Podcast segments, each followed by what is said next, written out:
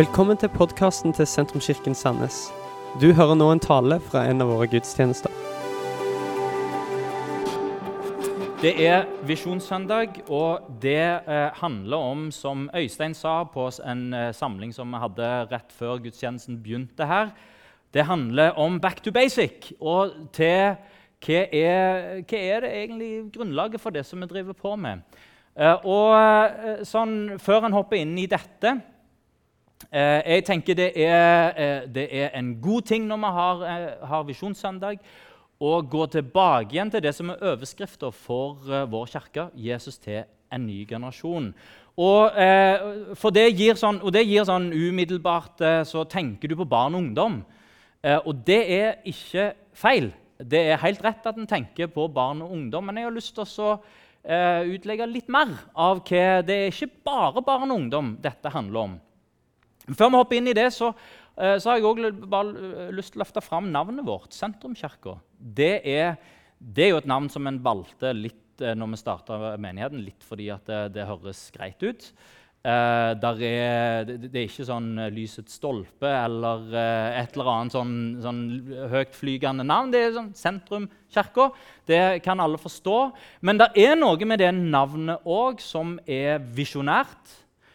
Som handler om å ha Jesus i sentrum. Og det å være ei kirke sammen Jesus han, eller Det er vel Peter som sier til Jesus når Jesus spør du, hvem er jeg? Eh, hvem sier folk at jeg er? spør han først. Og så, jo, jo, du, den, du, den, der, og folk sier forskjellige ting. Ja, men hvem sier dere at jeg er? Og Da svarer Peter umiddelbart, ikke ifra hodet sitt, men han svarer ifra hjertet. Du er Messias, den levende Guds sønn. Og så svarer da, eh, svarer da eh, Jesus tilbake at du, eh, Peter, ditt navn skal være det, det er klippet, og på deg eller på, på, på, det så vil jeg bygge min menighet. Og Her er det jo forskjellige tolkninger på hva det egentlig betyr. det som Jesus sier. Noen mener at det er på Peter som en bygger kirka. Skal ikke hoppe inn i dette her. Eh, og andre mener at det er på Peters bekjennelse at en bygger kirka. Jesus, du er Messias, den levende Guds sønn. Jesus, du er Herre. Kirka skapes når det er en forsamling som kommer sammen med Jesus som Herre, og som sammen finner ut av hva betyr det for mitt liv. Og det å ha Jesus som Herre, det er det kan virke litt sånn høytflygende. Og det, og det, å være en herre det er ikke noe vi snakker mye om i, eh, i vårt samfunn, som er blitt veldig egalitært, og der vi alle sammen er, egentlig alle er likeverdige, og der er ingen som er over og ingen som er under. Så det språket der det forstår vi kanskje ikke så enkelt i vår tid. Men sentrum, det forstår vi. At Jesus er herre, det betyr at han er i sentrum. Og fra sentrum så får han lov å prege alt som til sammen er mitt liv. Jesus er ikke bare et kakestykke av livet mitt, men Jesus er selve sentrum, som får prege alle kakestykkene som til sammen blir mitt liv. Jesus til en ny generasjon, hva betyr det for noe?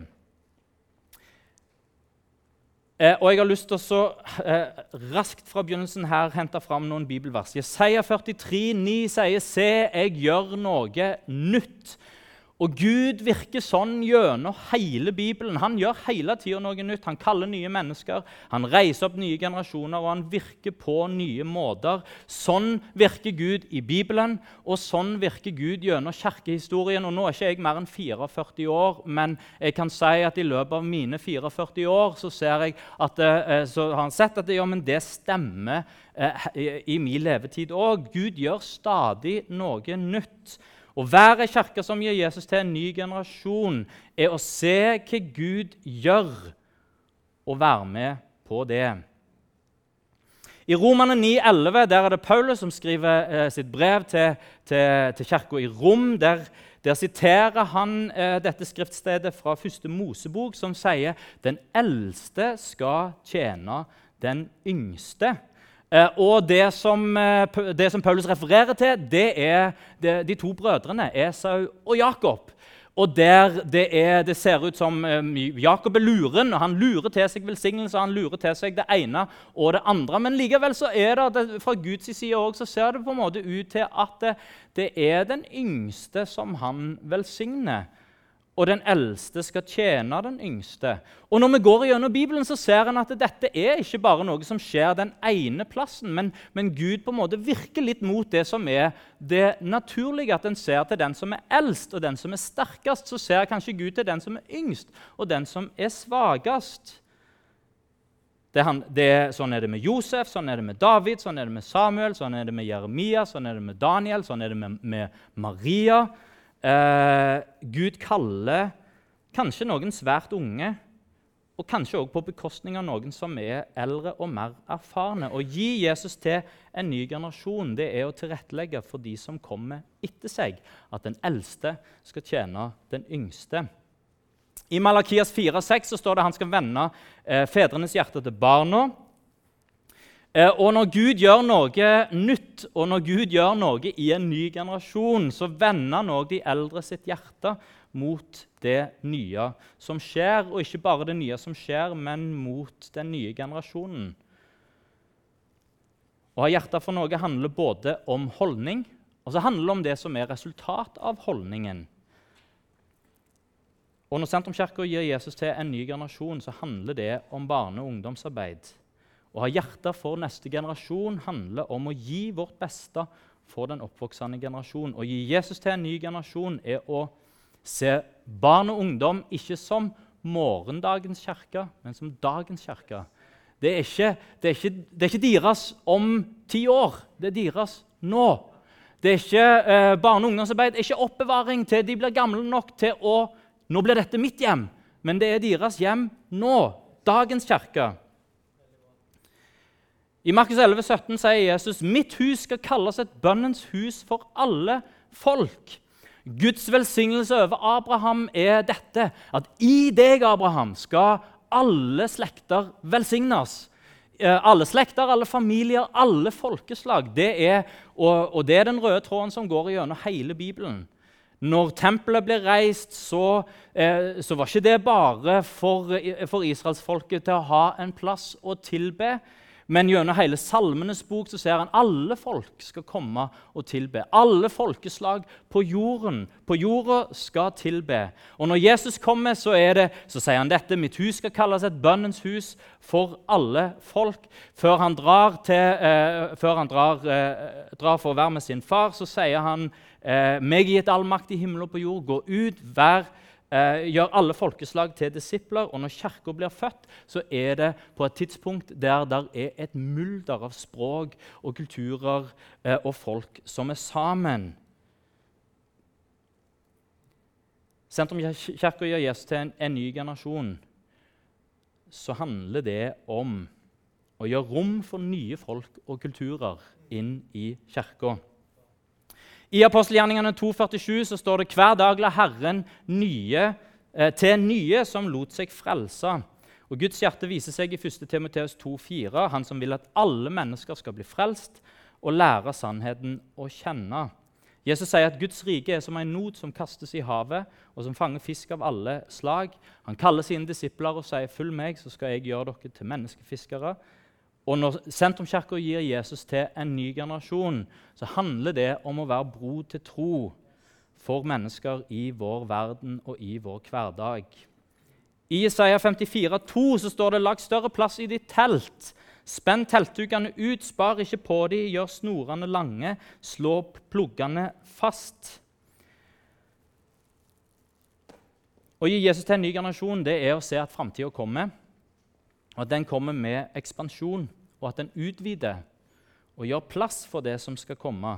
Dette ordet fra Jesaja Når vi handler på det, så tar vi steget ut og planter nye forsamlinger. Vi har begynt med to. En i Stavanger, en i Farsund. Eh, og vi kommer ikke til å gi oss med det, fordi å gi Jesus til en ny generasjon handler om å starte nye kirker som gir Jesus til en ny generasjon. Og jeg håper at vi kan finne vår plass i dette. Um, hva vil kjennetegne denne forsamlingen her de eh, neste åra?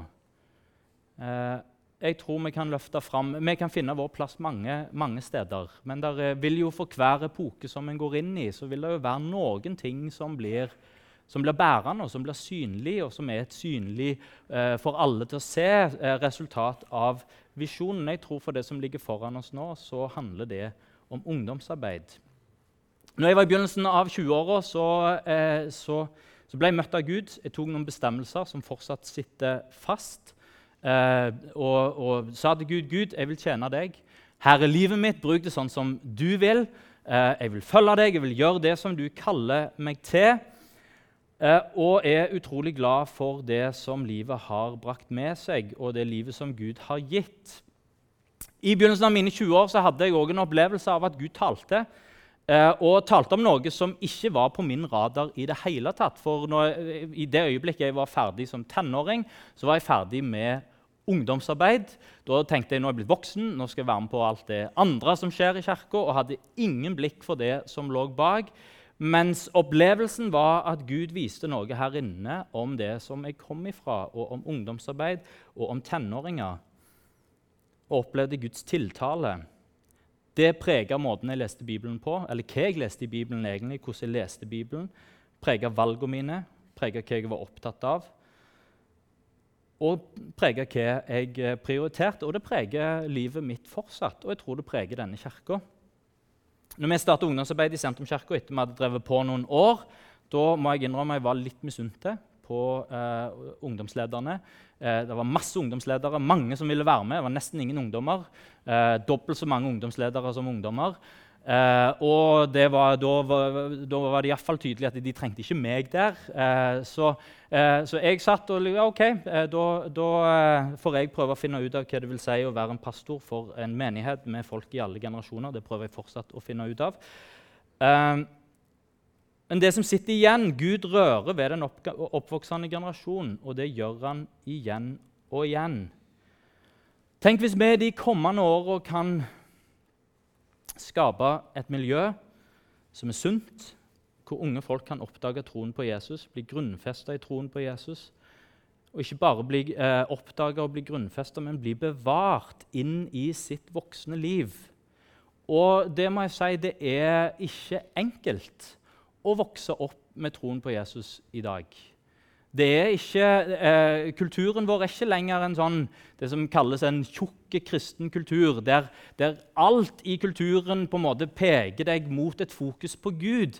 Det er heller blitt sånn at vår kultur er en ganske tjukk sekulær kultur, der veldig mye peker mot et fokus vekk fra Gud og et fokus innover på deg sjøl, eh, og der det er så lett å gå seg vill og der det kanskje krever litt tydeligere fokus på hva vil jeg med livet mitt. Hvordan skal livet mitt se ut? Hva betyr det for meg at jeg er en kristen? Eh, når en går tilbake en generasjon og to, så trengte en ikke tenke så dypt over de tingene, for kulturen var med og hjalp deg med å få det fokuset.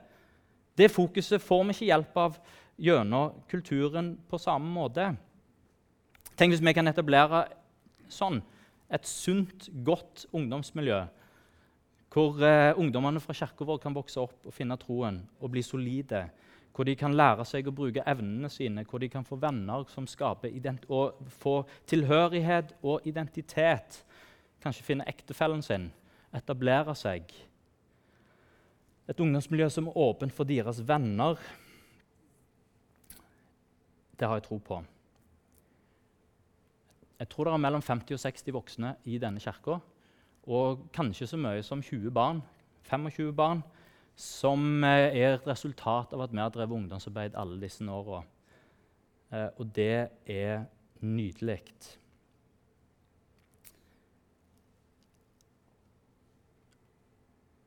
Hvor kan jeg tjene en ny generasjon? Jeg håper at vi kan klare å se at Jesus til en ny generasjon ikke er ekskluderende. At det handler om deg, og det handler om hvor du er i livet.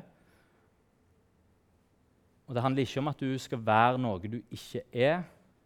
Det er å se hva Gud gjør nå, og være med på det. Det er å tilrettelegge for de som kommer etter. Det er å gjøre rom for nye folk og kulturer. Det er å være en bro til tro i hverdagen. Og det handler om å starte nye kirker som gir Jesus til en ny generasjon. Og nå har vi hatt en bønne- og fasteaksjon nå denne januar eh, hvor, eh, hvor, eh, hvor, det har vært mulig å rydde litt plass til å søke Gud, finne ut av Gud hva, hva, eh, hva er min plass. Eh, og det er en fin respons på eh, i forhold til dette òg. Gud, hvor er min plass? Lytte, Gud, hva har du for livet mitt? Kanskje er det noe nytt som skjer, kanskje er det noen som venter nytt barn. Kanskje er det noen som skal begynne på ny skole. Kanskje har han fått noen nye venner. Kanskje kan han flytte til nytt sted. Kanskje skal han begynne en ny tjeneste i kirka. Kanskje handler det om å ta imot nye mennesker i, inn i kirka. Eh, kanskje handler det om å bli kjent med en ny kultur eller nye folk. Kanskje er det en ny livssituasjon, nye kolleger, nye nabolaget. Vi gir Jesus til en ny generasjon, og det betyr noe for deg akkurat der som du er nå finne en plass hvor du er komfortabel, og hvor du kan tjene. Vesten og meg vi har funnet vår plass for denne sesongen. Eh, vi har linkgrupper hjemme hos oss eh, annenhver eh, fredag for 6. og 7. klasse jenter. Eh, og det er en fantastisk glede å få lov til å bruke det som vi har, vårt hjem, vår erfaring og vårt nettverk, til å kunne gi Jesus til en ny generasjon. Så det å lytte inn til Gud og si 'Gud, hvor er min plass?' Hva kan jeg gjøre for noen ting? Eh, og Noen ganger så undervurderer vi de småtinga. At det, ja, men det er så lite, det betyr ikke noe. Nei, men på andre sida av en liten ting som jeg er lydig i, så, eller som jeg sier ja til, så er det noen andre som kanskje eh, viser stor takknemlighet. Og det var akkurat det som en trengte. Hva er holdningen min når en vil tjene en ny generasjon? Lars Tore Jørgensen, som er lærer på HLT, og som, eh, har, eh, eh, og som, som underviser i, særlig i ungdomsarbeid, eh, han snakker om viktigheten av den signifikante andre, en voksen person som ikke er i nærmeste familie, og som blir viktig i oppveksten til et barn og til et ungdom. Og alle barn, alle ungdommer, trenger sånne signifikante andre, voksenpersoner som bryr seg. Eh, I en forelesning så spurte han eh, vi som var til stede, tenk tilbake på livet ditt. Eh, det, for, det gjelder ikke bare de som har hatt en utfordrende oppvekst, men, men det gjelder alle. Hvem er de voksenpersonene som du tenker tilbake på hadde betydning for livet ditt? Og så skulle alle ta seg tid til å tenke. og det kan jo vi gjøre akkurat nå også. Hvem er de voksenpersonene som står ut i din barndom, og i din ungdomstid. Og Så tenker en tilbake, og så vet jeg iallfall så, uh, så faller det et menneske inn der, og så er det et menneske der. Uh, og Det er jo alt fra fotballtrenere til utvida familie, til lærer, til noen i kirka, til venner av familien. Og så skal en prøve, og Det kan være to personer en tenker på, det kan være fem personer en tenker på. Og så sier Lars Tore ja, men uh, tenk etter hvem, hvem, hva kjennetegner den personen? Hva kjennetegner de personene? Og Så oppsummerte han og sa jeg er sikker på at det er to ting som kjennetegner disse personene. De ga deg oppmerksomhet, altså de så deg. Og så gjorde de en ting til. De inkluderte deg. De spurte deg med. Eller ble med inn i det som du gjorde. Altså, Det var første 'jeg ser deg', og første 'skal vi gjøre noe sammen'. Skal du bli med på det som jeg gjør? Kan jeg bli med på det som du gjør?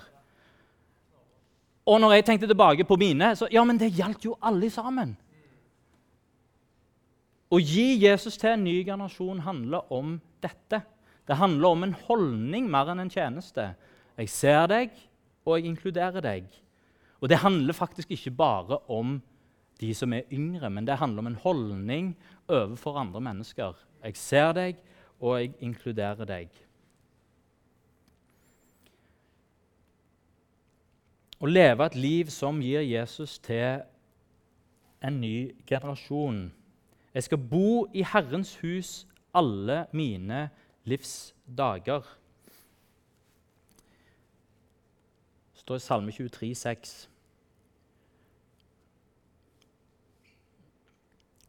Noen tenker at etter hvert som en blir eldre, så vokser en seg ut av kirkas målgruppe. Eh, men det å gi Jesus til en ny generasjon det er å tilrettelegge for å følge Jesus gjennom et helt liv. Og Kanskje er noe av det beste og viktigste vi kan gjøre, er å gi et eksempel. Eh, og leve et liv som det, er, som det går an å følge etter. Da trenger vi å tro at det beste livet for meg det er å bo i Herrens hus alle mine livs dager. Er det sant? Når David sier det, eh, at, eh, at 'jeg vil bo i Herrens hus alle mine livs dager', er det det beste livet? For Jesus har lovt de som følger ham, eh, har, har han lovt forfølgelse. Han ramser opp ubehageligheter som blir hata for min skyld, kasta i fengsel for min skyld, vanæra for min skyld, snakka vondt om for min skyld. Eh, altså, ingenting av dette ser veldig lystig ut. Eh, kom, bli en troende. Her er det eh, vanære, her er det hat, her er det vanskeligheter, og her er det problemer. Vær så god. Eh, og, eh, og, så underviser Jesus sine disipler, og så sier han, 'Ta opp mitt kors'. Vær så god. Uh, den som mister sitt liv, snakker han videre om, for mi skyld. Uh, og så fortsetter han med å si at det er den som er størst av alle, det er den minste av dere. Og den som vil være virkelig stor, han skal være alle sin trell. Er dette virkelig det beste livet som er tilgjengelig? Er det å følge Jesus er det det beste livet for meg og for andre? Altså Skal en gi et eksempel til den neste generasjonen, så trenger en å tro at det beste livet, det er å leve i Herrens hus, det er å leve sammen med Han. Vi opplever at livet gir oss oppturer, vi opplever at livet gir oss nedturer. Sånn skal det være. Og Et liv i etterfølgelse av Jesus er ikke løftet om et friksjonsfritt og problemfritt liv. Snarere tvert imot så inviterer Jesus til det. Hør, her er det problemer. Kom og følg meg. Så følger det noen problemer. Der følger noen utfordringer. Likevel så skriver David i salmen at han vil bo i Herrens hus alle sine dager. David sjøl opplevde motgang, vanskeligheter, levde ikke friksjonsfritt. Men han sier i samme salmen bare godhet, og som vi også sang før her, bare godhet og miskunnhet skal etterjage meg alle mitt livs dager. Og Det gjelder i gode dager, og det gjelder i de dårlige. Han lover oss vanskeligheter, men samtidig så lover han òg å være med. Jesus lover vanskeligheter, men samtidig så sier han du skal ha alt det andre i tillegg. Du skal få finne livet ditt. Jeg kommer for å gi deg liv og overflod. Jeg kommer for å gi fred. Og Min oppsummering av livet så langt er at livet bærer med seg oppturer og nedturer. Skuffelser, seirer, ting som ikke går sånn som en trodde, og ting som blir mye bedre enn en frykta. Eh, livet kommer med urettferdighet, og livet kommer med flaks. En kan også kalle det for velsignelse. Mitt utgangspunkt er det beste livet jeg kan leve. Det er et liv i etterfølgelse av Jesus. Jeg vil bo i Herrens hus alle mine dager meg og mitt hus vil tjene Han. Å gi et eksempel som kan etterfølges, handler òg om å tro at det beste livet for de rundt meg, det er å bo i Herrens hus. Det er litt utfordrende i vår tid å si at Norge er det beste. At det gode livet er sånn at Norge er absolutt. For det som er absolutt, det går på bekostning av noe annet. Det er litt fristende for oss å innta en sånn populær holdning om at det som er rett for meg, det er rett for meg. Det som er rett og best for deg, det er rett og best for deg.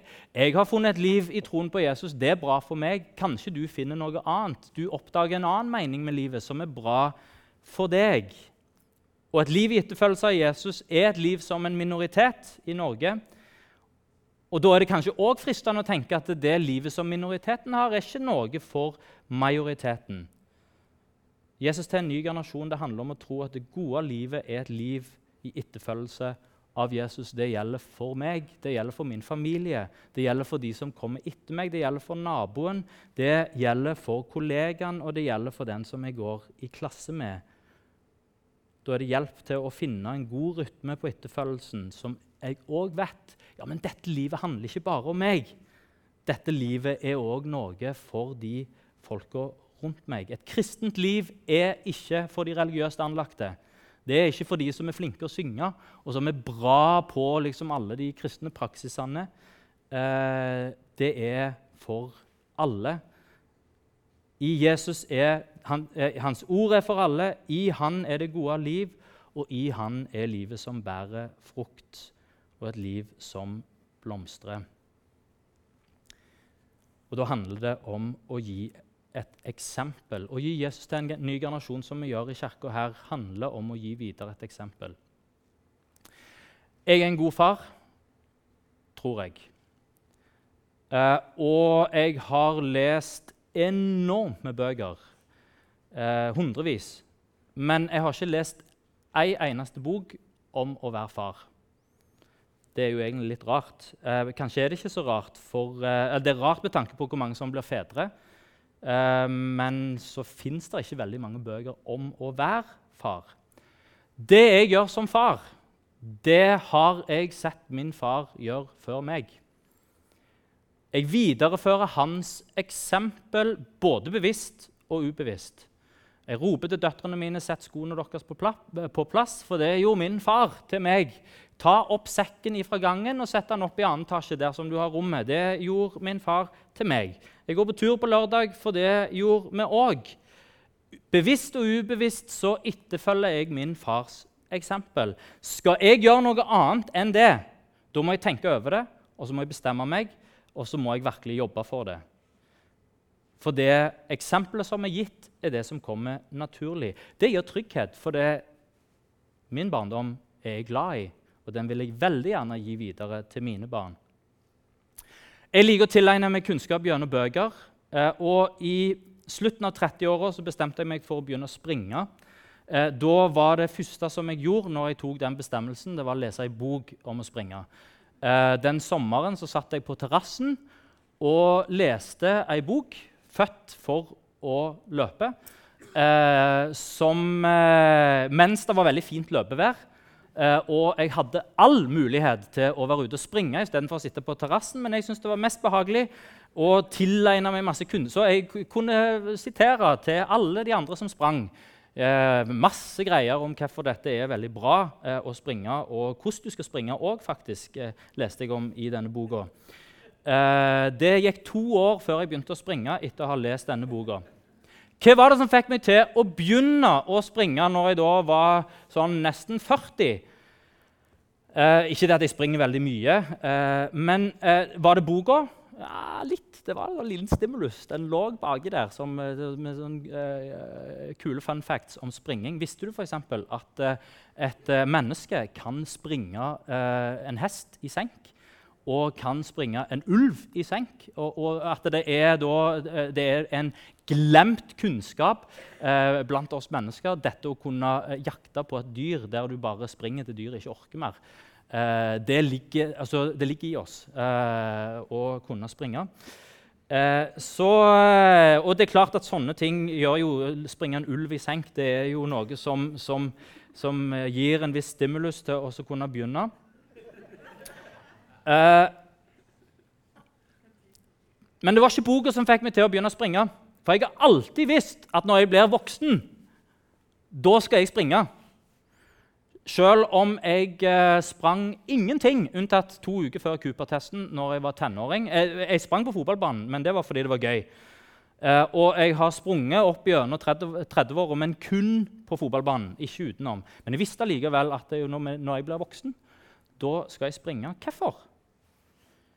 Eh, fordi det gjorde min far. Han har ikke mast på meg om å trene. Eller det vil si, han har sagt det én gang. Når, hadde, når, han var godt oppe i alderen og jeg var eh, litt over 30, og vi skulle kappspringe ned en bakke og opp en bakke, og jeg la meg ned når, når jeg begynte å komme opp eh, bakken og lå og hyperventilerte, og han, han liksom bare gikk fort forbi meg, så, sa, eh, så, så han på meg og sa at du må begynne å trene. Det er den ene gangen han har sagt det. Eh, jeg trengte ikke noe mer enn det. Eh, for det eksempelet som jeg strekker meg etter. Og bandet kan komme opp og begynne å gjøre seg klar. Eh, og For mange år siden var det en kamerat av meg som kom til tro. Det skjedde over en periode. og det, det, det, var fantastisk. Vi kunne be til Gud sammen. Han ble med på noen møter, og jeg prøvde mitt beste å integrere han i det som jeg gjorde. Problemet mitt var at jeg var 100% engasjert som ungdomsleder. All min ledige tid gikk til det. Eh, og jeg hadde det kjempegøy. Eh, det skjedde mye, og jeg prøvde å få med kameraten min inn i alt det som eh, skjedde. Han ble med på noen småting. Og så sa han til slutt, etter å ha vært med på noen greier, så sa han på Eivind du, den måten du lever på, den kan ikke jeg leve på. Eh, kanskje burde jeg ha hørt det på det tidspunktet og stoppet litt opp og tenkt hm, ja, kanskje det er noen justeringer som en trenger å gjøre. Eh, så det som var en utfordring der, var at jeg ga ikke et eksempel til han. Han måtte iallfall finne noen som hadde et eksempel, et liv som han kunne etterfølge. Når det ikke var så veldig mye av det rundt han utenom. Eh, hvis en ikke har det eksempelet, så blir det vanskelig. Og her, Å gi Jesus til en ny generasjon handler om å gi et eksempel. Derfor så trenger vi trenger folk i alle aldre. Vi trenger 90-åringer i kirka. Vi har ikke så mange av de nå. Vi trenger 70-åringer. De som er i ferd med å bli pensjonister. Åh, viktigere enn noensinne. Vi trenger 50-åringer i denne kirka. Det er trist når 50-åringer sier nå er det de yngre som kan på en måte eh, videre, og som, som, som, trekker seg unna. Nei, vi trenger 50-åringene, vi trenger 40-åringene. 30-åringene og 20-åringene. Vi trenger alle generasjonene som kan gi videre et eksempel. For dette livet i tro på Jesus er ikke en livsfaseting som handler om akkurat nå. Det er et livsløp i etterfølgelse av Jesus. Og hvordan ser det ut å være en troende når jeg er i 50-åra? Jo, det er jo å se på de i 50-åra. Ja, men sånn ser det ut. Der fins det et eksempel som jeg kan strekke meg etter. Hvordan er det å bli pensjonist? Ja, men Jeg kan jo se på de som har blitt pensjonister nå så har jeg et eksempel å strekke meg etter. Som jeg, som jeg sa før, jeg, jeg sprang ikke når jeg var i 20-åra, jeg sprang ikke når jeg var i 30-åra, men jeg begynte å springe mot slutten der. Hvorfor? Fordi det er det som en mann i slutten av 30-åra og 40-åra gjør. Eller det vil si, Far sprang jo mer enn det, da, men jeg utsatte det litt, for det er litt kjedelig òg å springe. Og Hvis du vil hjelpe den fattige, innrett livet ditt først sånn at du sjøl ikke er fattig. Hvis trykket i kabinen på flyet faller, og oksygenmaskene faller ned, hva gjør du da for noe? Da tar du først på oksygenmaska på deg sjøl, og så kan du hjelpe de rundt deg. Timoteus får høre det samme av Paulus. Ta vare på deg sjøl og på læren. Sånn frelser du deg sjøl og andre. Paulus skriver til kirka i Korint og sier, 'Følg meg sånn som jeg følger Kristus'. Det er få mennesker som lever så beundringsverdige liv at folk kommer til dem og spør, 'Du, hvordan kan jeg leve det livet som du lever?' Og vi skal ha realistiske forventninger til hverandre. Men når vi lever livet vårt nær nok, selv om en ikke liksom spør heller, du, hva, hva er rådet ditt, hva vil du, syns du at jeg bør gjøre nå? Men når en lever nær nok til at en ser et eksempel, ja, men da er det et eksempel å strekke seg etter. Da er det kanskje ting som en ikke gjør automatisk, men litt uten å tenke, fordi en har sett et eksempel foran oss, foran seg. Du og ditt eksempel er viktig. Uansett hvilken livsfase du er i Uansett hva som er din livssituasjon, uansett hva som er din alder. For kanskje fins det i kirkefellesskapet noen som på et eller annet tidspunkt er i en tilsvarende situasjon som du er i nå, der du har gitt et eksempel. Det er det å følge Jesus gjennom din livsfase og din situasjon akkurat nå, det er viktig for hele fellesskapet. Det beste du kan gi til neste generasjon, er et liv i etterfølgelse av Jesus. Å være bevisst et liv hvor Jesus er i sentrum, og gi det som en gave til neste generasjon. Å leve et liv hvor en finner gleden i Gud, og ære Han gjennom ulike livsfaser, det er en arv å gi videre til de som kommer etter. Å leve i tilbedelse av Gud og kjærlighet til Gud, der kjærligheten til Gud kommer på toppen og ikke overskygger, men gir lys til alt det andre Å gi Jesus til en ny generasjon er å følge Jesus der du er nå. Og leve nær nok til at de som er yngre, og de som er rundt deg, ser ditt liv.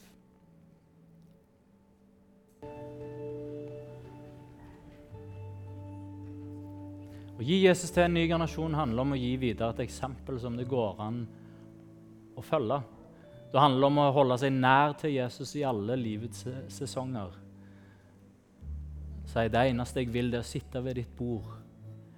Det jeg vil, ber David, at jeg må få bo i ditt hus alle mine livs dager. Det er det beste livet. Og Da kan en finne mening i livet der som det er akkurat nå. Få leve nær, nær til Gud i min livssituasjon, i min livsfase.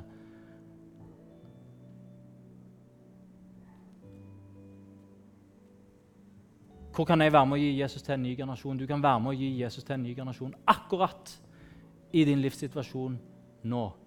Om det er som lærer, om det er som ingeniør, om det er som elev, om det er som student, om det er som hjemmeværende, om det er som pensjonist.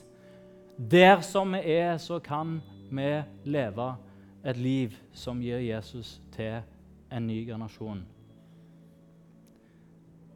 Når vi holder oss nær til Gud, og jeg har lyst til å utfordre oss på dette når vi holder oss nær til hverandre for så ofte så fragmenteres livet vårt, og så lever vi i hver vår Og ofte så lever vi i sånn livsfase enklaver, hvor uh, det, de menneskene vi omgås, er andre folk som er i vår samme situasjon. Når en er student, så lett det er å, å, å, å, menge seg med andre studenter. Når en har fått små barn, så lett det er at livet plutselig er andre som har små barn men at en lever nær på andre livsfaser og lever nær på, på, på, på mennesker som er i andre situasjoner enn en sjøl. Jeg har lyst til å invitere oss som kirke at vi kommer nærmere. Bli med i ei link-gruppe, bli med på team. Ikke fordi, nødvendigvis fordi oppgaven var så viktig, men fordi der kommer jeg nær andre mennesker. Og nær nok til at en kan se eksemplene og bli inspirert og ha noe å strekke seg etter. La oss ta oss og be sammen. Vi kan godt lukke øynene våre der som vi står. Takk, Herre Jesus, for at du er her. Takk, Jesus, at du taler til hjertene våre. Ber for hver enkelt en her inne. Ber Herre om å få lov til å leve liv som ærer deg, som gjenspeiler din kjærlighet. Ber Herre Jesus om liv som kan være, som, være til eksempel, Herre. Ber Herre for den som opplever at livet har gått i grus Takker deg for at òg i den situasjonen Herre, så kan du være med å gjenopprette. Komme med din tilgivelse og din nåde, og et eksempel på din nåde, Herre. Takk at det beste som fins, er å få lov til å bo i ditt hus alle mine livs dager. Ber om at du fyller hvert et liv og hvert et hjem og hver en hverdag med ditt nærvær. At du kommer nær, Herre. Herre, så ber jeg om at du taler til oss, om at vi kan få lov til å finne din plass i denne kirka, Herre, for å være med og gi deg til en ny generasjon. Dette var slutten på denne talen. Håper du har blitt inspirert. Om du har lyst til å vite mer om hvem vi er, eller hva vi gjør, eller har lyst til å høre flere podkaster, så kan du besøke vår nettside sentrums.no.